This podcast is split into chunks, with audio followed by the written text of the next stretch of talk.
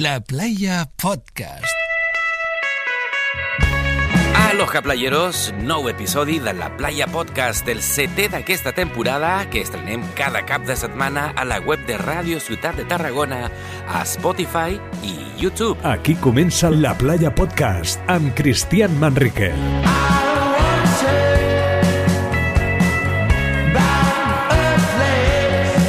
Moltes gràcies per ser-hi, família playera, sentint la vibra costera de la Playa Podcast, barrejant música i històries de gent de mar. Aquest és el menú playero d'aquesta setmana a la Playa Podcast. Cada setmana a Ràdio Ciutat de Tarragona, La Playa Podcast. Hoy hablamos con el kiter César Portas, tres veces campeón de España y ahora juez internacional de kitesurf. Conoceremos también el lado surfero de la influencer Esther Valiente, que promueve en redes una vida silver, una vida con canas. Os presentaremos también a Xavi Dot, skater y surfista de Ulot, que nos contará su relación personal con el surf y el mar. Y Gaby Bardala, entrenador de esquí, apasionado de los deportes de deslizamiento, que ahora vive su particular sueño americano, surfeando en California. Presentado el contenido de hoy, vamos al lío.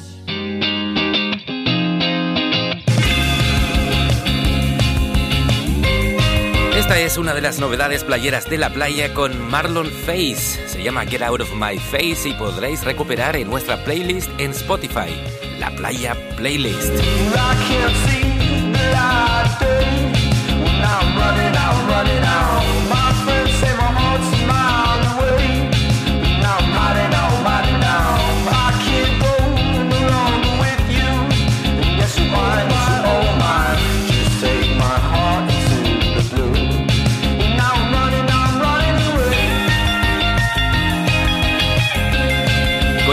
Vibra playera os invitamos a conocer a uno de los nombres de referencia del kitesurf en España.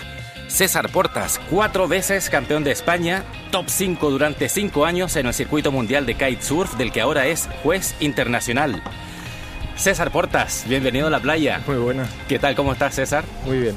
Muchas gracias por estar aquí. ¿Siempre fue el kitesurf o comenzaste con una otra, alguna otra modalidad cuando comenzaste a, a surfear? Bueno, te- tenía un pequeño hobby con un amigo Sí. que, que veníamos desde los 13, 13 13 años practicando Ujú. y era volar cometas, que se derivó a cometas de tracción y es aquí en la Barceloneta realmente donde, donde empezó eso. Entonces fue en el aire, no en el agua, tu primera pasión. ¿Así empezó? Así es, una cosa lleva a la otra. Fue un, un día estaba en Castelldefels y como era habitual íbamos a jugar con las cometas, fue mirar al mar y ver que estaba un chico haciendo kite. La primera vez que lo vi en, en- en vivo en mi vida y creo que era el 99. 99. Entonces fuiste uno de los pioneros, ¿no? Del kitesurf en España. Sí, en España de los primeros, de los primeros en la zona, en, en Tarifa había muchísima más, más gente practicando y bueno, no tardé mucho en ir hacia allí. ¿Y cómo ves la evolución del kitesurf desde esos inicios a, a lo que ves ahora? Bueno, la verdad que es como una suerte, ¿no? Haber visto la evolución de un deporte que te apasiona y, eh, bueno, recuerdo los inicios que era alucinante, era peligroso. Lo recuerdo, me- mejoró todo en seguridad, hubo un boom increíble en el 2005, 2006 y hasta ahora que hay mm, infinidad de circuitos, hay muchísimos practicantes. Sea, tú vas un día a la playa en Castelldefels, por ejemplo, que es mi favorita, puedes ver 200 o 300 kites a la vez en el agua. Es increíble. Es ¿eh? increíble. ¿Cómo ha sido el boom? Es mucha gente. Naciste en Barcelona, ¿no? En Barcelona, sí. ¿Cómo fue tu niñez, César? ¿Qué recuerdos tienes de ella? Bueno, pues un niño normal y recuerdo que me gustaba mucho el deporte y bueno, mi, mi padre nos introdujo mucho en el deporte. El fin de semana era una especie de gincana de, desde las Olimpiadas, hablo de muy pequeño, ¿no? De las, hacer las Olimpiadas en casa o salir muchísimo en bici. Y estábamos muy cerca del mar y recuerdo el mar también, que me gustaba. Pero tardé hasta que era adolescente, a los 16 fue cuando empezó un poco de windsurf, nada, un día de windsurf y el siguiente estaba haciendo kite. Entonces fue a esa edad que comienzas a competir, ¿no? Más o menos a los 16 años. Fue un, un año más tarde, Creo que empecé a los 16 y a los 17 estaba haciendo el primer campeonato de España de kitesurf, que creo que lo llamaban flysurf entonces. Flysurf, sí. Sonaba un poco extraño. Y fue aquí, eh, muy cerca, en Vilanova y la Geltrú, Ajá. y, y ahí empezó un poco la, la curiosidad por la competición. ¿Y a nivel internacional cuándo empiezas?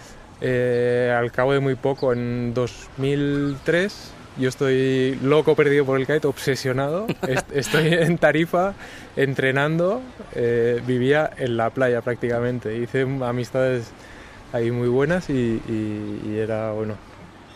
Fue en ese verano que cogí mucho nivel y me lanzaron, ya tenía algún patrocinador a través de tiendas y me lanzaron a competir a Fuerteventura, que fui con, con amigos que tengo ahora.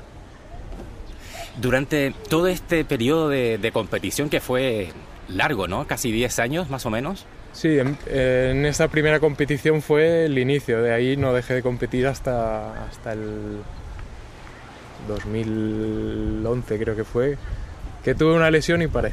O sea, ¿Hay alguna competición que recuerdes que te haya mm, que haya significado algo especial para ti? No sé, por las condiciones climáticas del día, por, por el lugar donde, donde se disputó.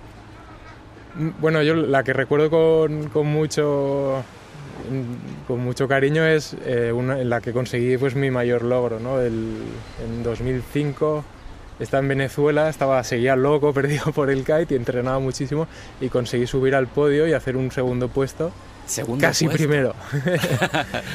casi primero, sí, sí. Y recuerdo, pues bueno, fue un, un logro enorme para mí y fue fue muy bonito, lo recuerdo. ¿Y los algún lugar? eh, porque el kitesurf, la meca del kitesurf está en, en Brasil, ¿no?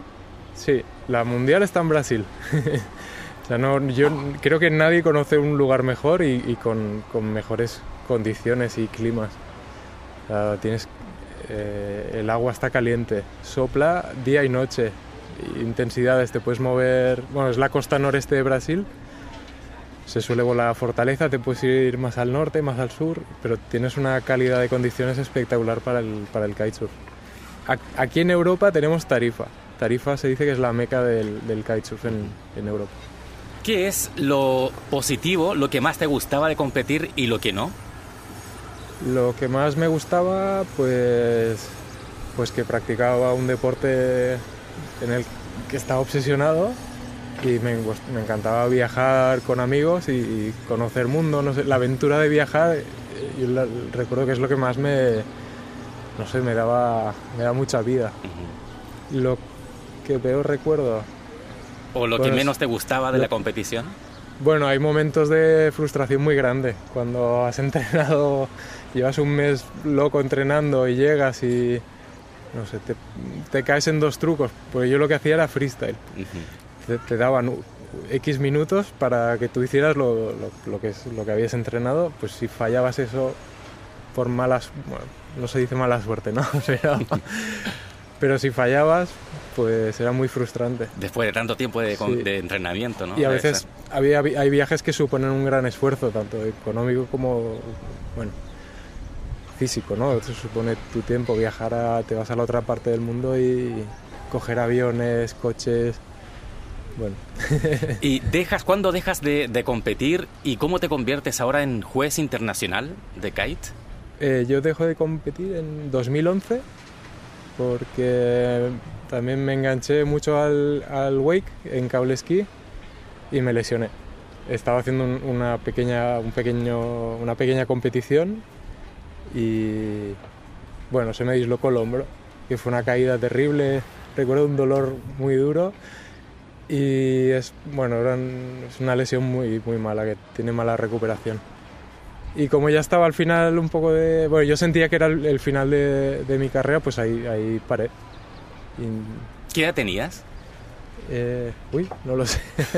en 2011... eh, ¿Antes de los 30? sí, Sí. sí, sí, sí. Es corta la vida del, del kitesurfista, ¿eh? Sí, y, ¿Sí? y de hecho, cuando te vas acercando a los 30, tienes abajo los de 20, o que aún no han llegado a los Ujú. 20 incluso, y suben con un hambre, pues como cuando, como cuando empecé yo, y ahí es difícil competir contra eso. ¿Hay algún rider que te haya inspirado? Eh, a nivel nacional o internacional. Internacional más que nada, porque nacional no había mucha referencia ¿no? en ese tiempo cuando empezaste. Bueno, yo eh, me guiaba mucho por mis, los competidores de mi, de mi, época. Había un inglés, los, varios holandeses que eran muy buenos.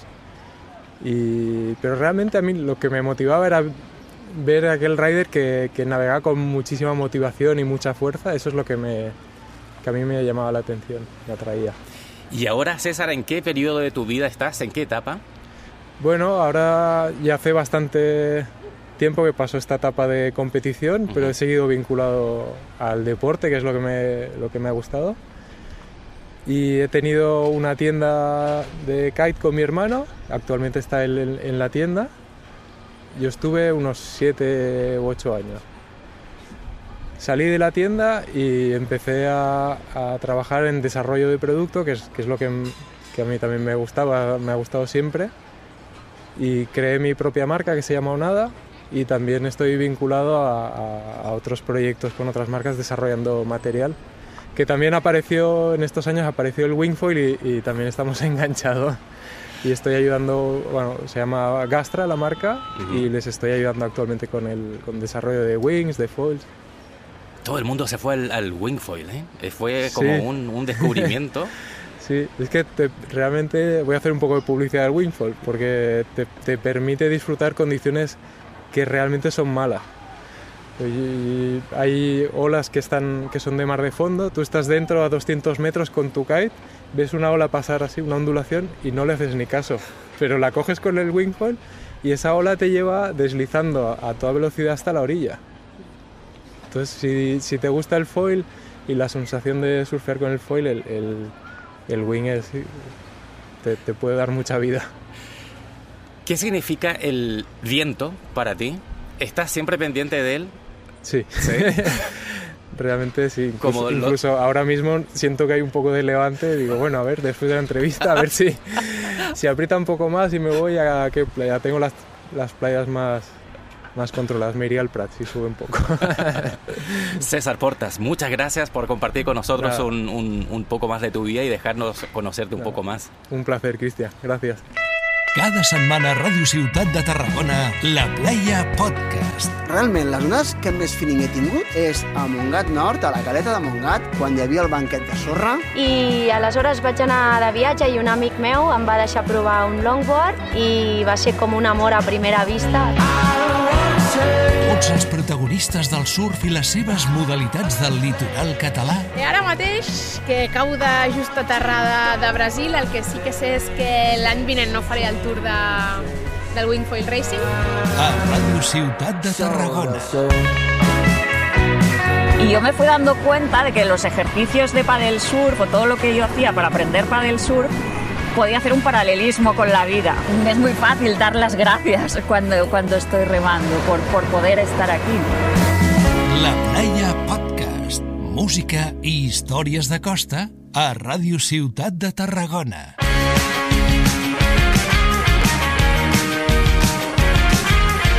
Esta es otra de las novedades playeras de esta semana en la playa con The Sux, Never Gonna Go. Sunny days drift me away and I know we're fine.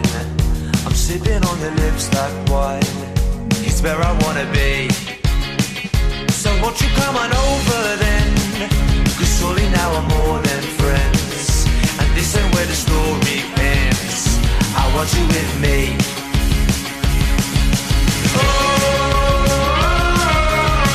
Canción que podéis volver a recuperar en nuestra playlist playera en Spotify, La Playa Playlist de Sux, Never Gonna Go.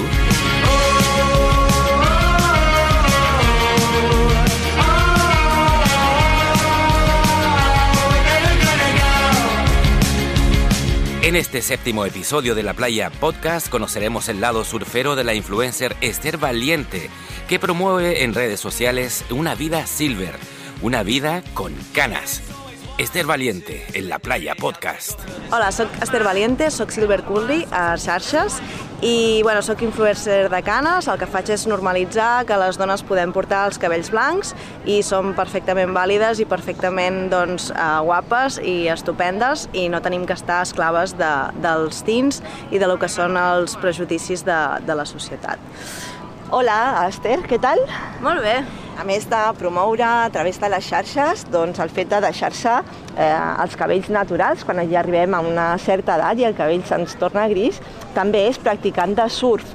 Eh, ja et volíem preguntar com et va néixer aquest amor pel mar i bueno, explica'ns una miqueta com va ser aquest primer contacte.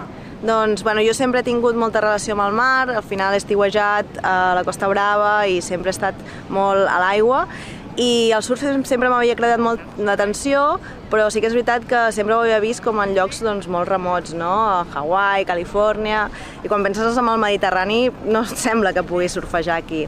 Però bueno, eh, vaig començar a fer classes en una escola d'aquí de l'Estartit i doncs, bueno, la primera experiència va ser brutal, va haver-hi una connexió amb el mar increïble i des del primer moment vaig saber que, ostres, que volia seguir surfejant i seguir, i seguir provant aquesta activitat perquè és algo eh, que realment eh, et connecta molt amb el mar, amb tu mateixa i t'ensenya moltes coses, com afrontar els problemes, eh, com superar la frustració...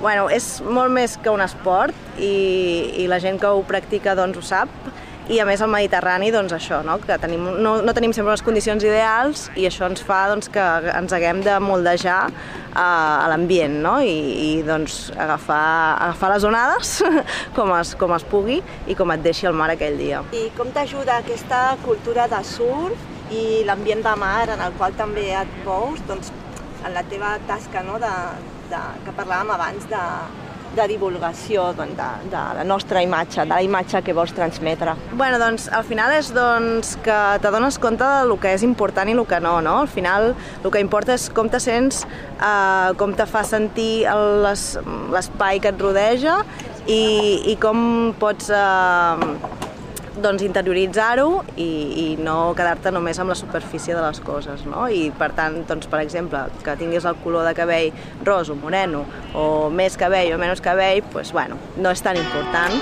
com si no sentir-te bé amb tu mateix i, i afrontar la vida d'aquesta manera, no? Soc Esther Valiente i us envio una gran salutació a la playa.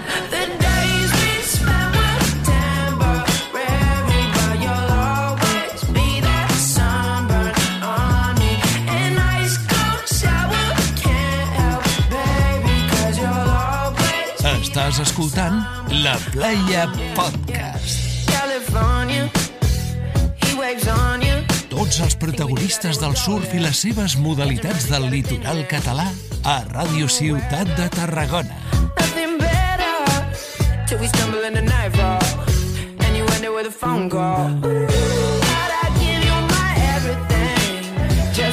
Esta es otra de las novedades playeras de la semana con Almost Monday.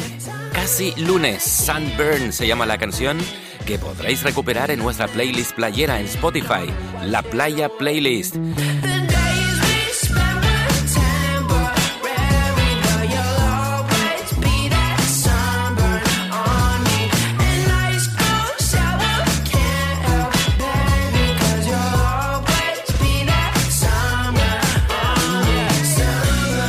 Vibra playera os invito a conocer a, un skater y surfista de Ulot. Su nombre, Xavi Dot.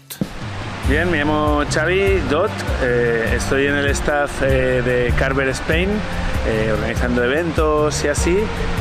yo tengo una pasión por las tablas de joven, primero empecé con el skate, luego un tiempo empecé con el snowboard y finalmente descubrí el surf y el surf me vinculó mucho al mar. Eh, es una pasión muy grande porque estar en el mar, cada ola es diferente, cada momento es diferente, atardeceres, eh, amaneceres, eh, bueno, una lucha personal contra el, el sitio en el que estás, pura naturaleza, meditación, estás solo en ese entorno y me apasiona mucho.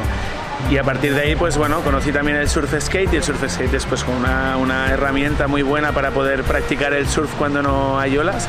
Eh, y entonces pues es, mi gran pasión es esta.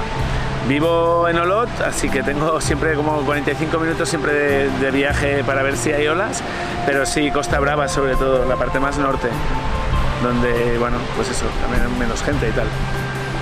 Em, ¿Qué has visto en el mar que te ha apasionado tanto?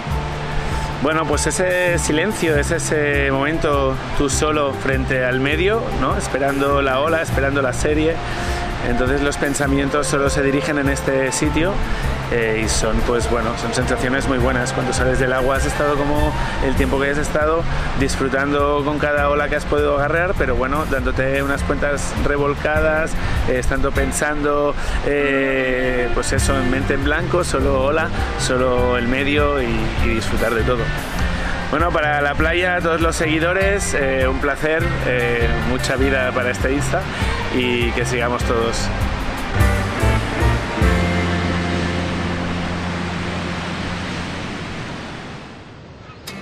Cada setmana a Ràdio Ciutat de Tarragona, La Playa Podcast. Música i històries de costa a Ràdio Ciutat de Tarragona.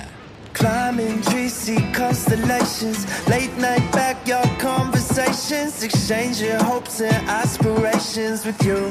Ooh, ooh, ooh. Same two records on rotation.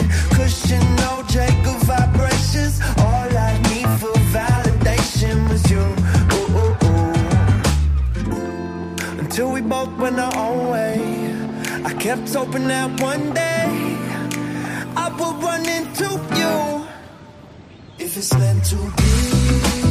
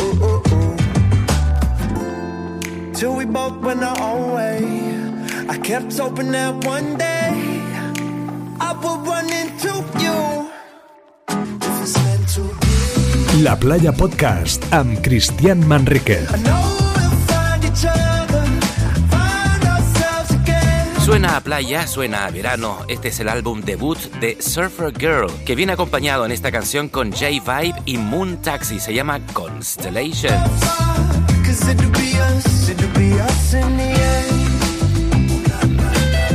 Mezclamos música e historias de mar. Ahora conoceréis la historia de Gaby Bardala, ex entrenador nacional de esquí, profesor de skate y de snowboard y un apasionado de los deportes de deslizamiento en general, que ahora vive su particular sueño americano surfeando en California. Hola, soy Gaby Bardala y soy un apasionado de los deportes de deslizamiento. Bueno, el primero fue el skate. Yo, yo soy un amante de, de California y vi la película del Gran Miércoles cuando era muy pequeño. Y eso me motivó mucho y como no había posibilidad de, surfear, pues empecé con el skate y ahí me enganché a tope y quedé campeón de España a los 15 años. Subía bastante al Pirineo y, me, motivó el esquí y, luego el esquí, después de haber estado equipo nacional de freestyle y triunfar mucho, pues también aproveché la ocasión de traspasar mis conocimientos de skate al snowboard. Fui a campeonatos, no, no hice podiums, pero bueno, siempre estaba en finales y, y bueno, tenía un nivelito bonito para divertirme y estar ahí con, con la gente que, que ganaba. Cuéntanos tu experiencia como seleccionador. Sí, eh, con el esquí eh, empecé con carreras a nivel provincial, a nivel nacional. Al quedar subcampeón de España tuve la oportunidad de pasar a equipo nacional y eso me dio también la, gran oportunidad de poder participar en unos Juegos Olímpicos, aunque finalmente no fui como corredor porque tuve una lesión de rodilla, pero sí que fui el director técnico del Freestyle Nacional y pude disfrutar de Albertville 92. Con los años y, gracias a los espigones que han ido haciendo por toda la costa, esto ha motivado el nacimiento de bancos de arena que antes no existían y después de una tormenta de- o de un levante fuerte o del- se hacen unos swells y, y- y hay olas muy buenas para poder surfear en el Mediterráneo. Entonces ha sido el momento para recuperar mi espíritu de, de chaval de, de cuando vi la película del Gran Miércoles. Película que te marcó por lo visto, ¿eh? Sí, sí, es, es bestial. ¿Por qué, ¿Por qué te marcó tanto? Bueno, porque yo soy enamorado de Estados Unidos y, y es el, el- el sueño americano o el California Dreaming, dilo como quieras, pero es una manera de vivir que, que a mí siempre me, me ha encantado. Incluso yo, yo ahora vuelvo, tengo una furgoneta equipada y, y nos vamos en, en busca de olas o en busca de las mejores nevadas y, y es un poco la, la filosofía que ella de, de vivir para disfrutar el momento concreto que, que la naturaleza te da y que es único. ¿Surfeas en California también? ¿Vas a menudo para allá?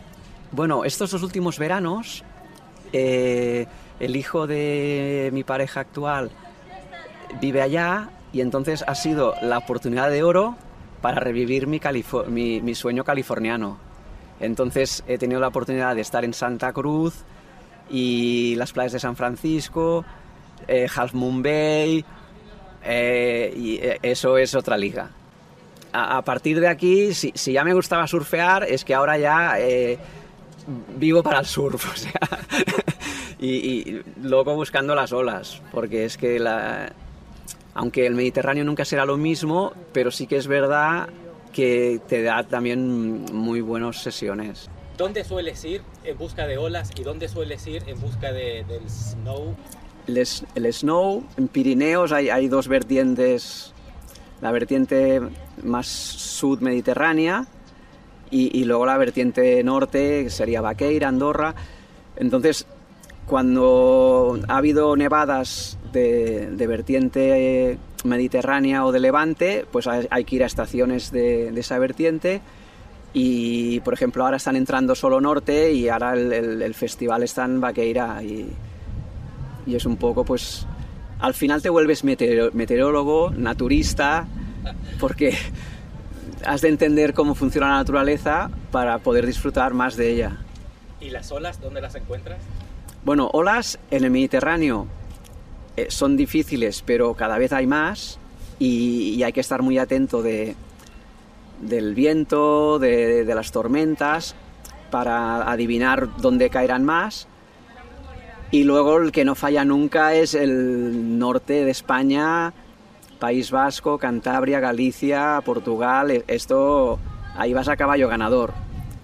Ahí a veces el problema es que son demasiado grandes las olas. Y, y- y entonces, pues bueno. Pero siempre hay algún rinconcito que encontramos la, la ola perfecta. ¿Y qué sensaciones te da el mar y la nieve? El- el- el- es el deslizamiento, es la velocidad, es el flotar. O sea, nieve cuando es nieve virgen es, es prácticamente la misma sensación que en el mar, en el agua. Es, es, es floto, es, es, velocidad, es potencia, es la naturaleza. En la nieve las montañas están quietas, en el mar el agua se mueve, que es, es la complejidad.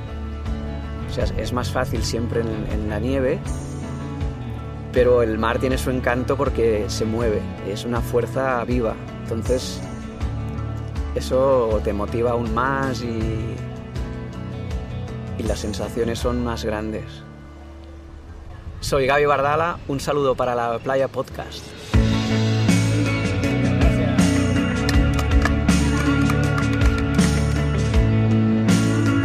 Has escoltat La Playa Podcast, música i històries de costa a Ràdio Ciutat de Tarragona.